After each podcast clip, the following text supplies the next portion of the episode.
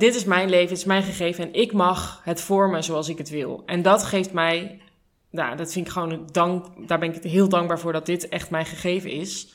Maar het legt ook druk. Maar het legt dus ook Ja. druk. En daar, dat voel ik gewoon dat echt een zoektocht nu is voor mij. Het leven van millennials lijkt vooral te bestaan uit eindeloze keuzes en verandering.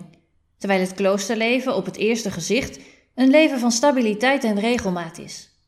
Maar zijn die werelden wel zo verschillend? Wat hebben ze elkaar te zeggen? Leuk dat je luistert naar Abdij Talks, de podcast waarin we samen zoeken naar een nieuw perspectief op herkenbare dilemma's in alledaagse kwesties. Dat doen we samen met de broeders van de Abdij van Berne. Zijn de wijze lessen uit het klooster ook vandaag de dag nog relevant?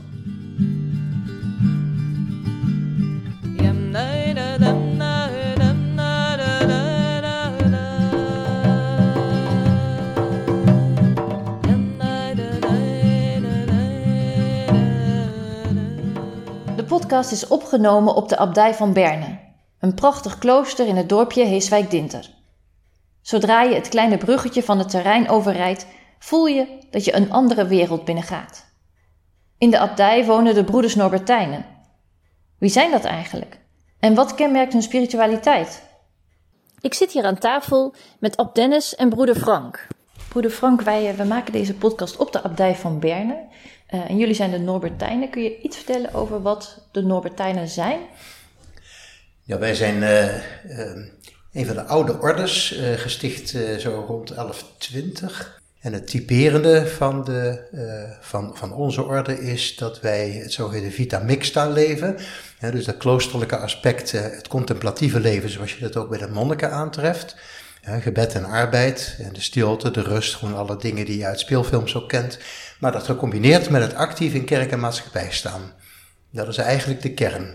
Deze podcast die we nu hebben gemaakt, dat zijn allemaal gesprekken tussen de broeders van de abdij eh, en- en jongeren. Waarom, waarom vind je het belangrijk om dat soort gesprekken te voeren? Jonge mensen die zijn natuurlijk net als eh, wij vroeger eh, ook zoekende. Iedereen is zoekende uiteindelijk in zijn leven.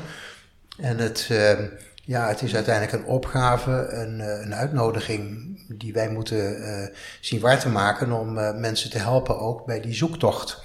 Hè, en dat heeft ook vaak te maken met het durven kijken in de stilte in je eigen hart. Een omgeving van rust en bezinning te zoeken. En eh, op die manier toch eh, eh, ja, eigenlijk ruimte te geven om, om met de dingen van het hart bezig te zijn. Ab Dennis, hoe zie jij dat?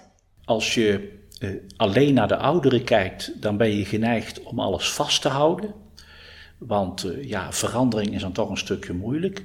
Terwijl denk ik, als je naar de jongeren kijkt, een nieuwe generatie, dat je je daar eh, wat door laat gezeggen. En dat betekent niet dat je alles per definitie moet overnemen, maar, wat je, maar dat je wel zegt van nou, we moeten dat geluid serieus nemen, omdat zij zich voorbereiden om de dragers te zijn van, van samenleven in algemene zin. Dus ook van samenleven in religieuze zin, eh, in kerk zijn, in politiek en, eh, en noem maar op. Mijn naam is Lisbeth Jansen, ik ben theoloog en programmamaker. Ik ben in alle zesde podcast de gespreksleider. Het waren bijzondere gesprekken. Eh, een beetje heftig had ik niet aan zien komen. Maar nee, ik vond het echt leuk. Ja, Dat is toch mooi? Ja, dat- heel mooi, ja. Kijk, als, als dit kan gebeuren in zo- in zo'n podcast, Ja. dan hebben we iets geraakt. Ik neem sowieso mee dat ik dit een hele mooie ervaring vind. En gewoon heel eh, open in gesprek gaan met iemand waar ik normaal niet zomaar mee in gesprek ga. En dat vind ik super waardevol. En te merken dat je eigenlijk ook allebei mens bent en met dezelfde vragen kan lopen in je leven soms. Ja, dat is, dat is gewoon fijn. Dat, dat verbindt. Ben je nieuwsgierig geworden? Luister dan naar de podcast.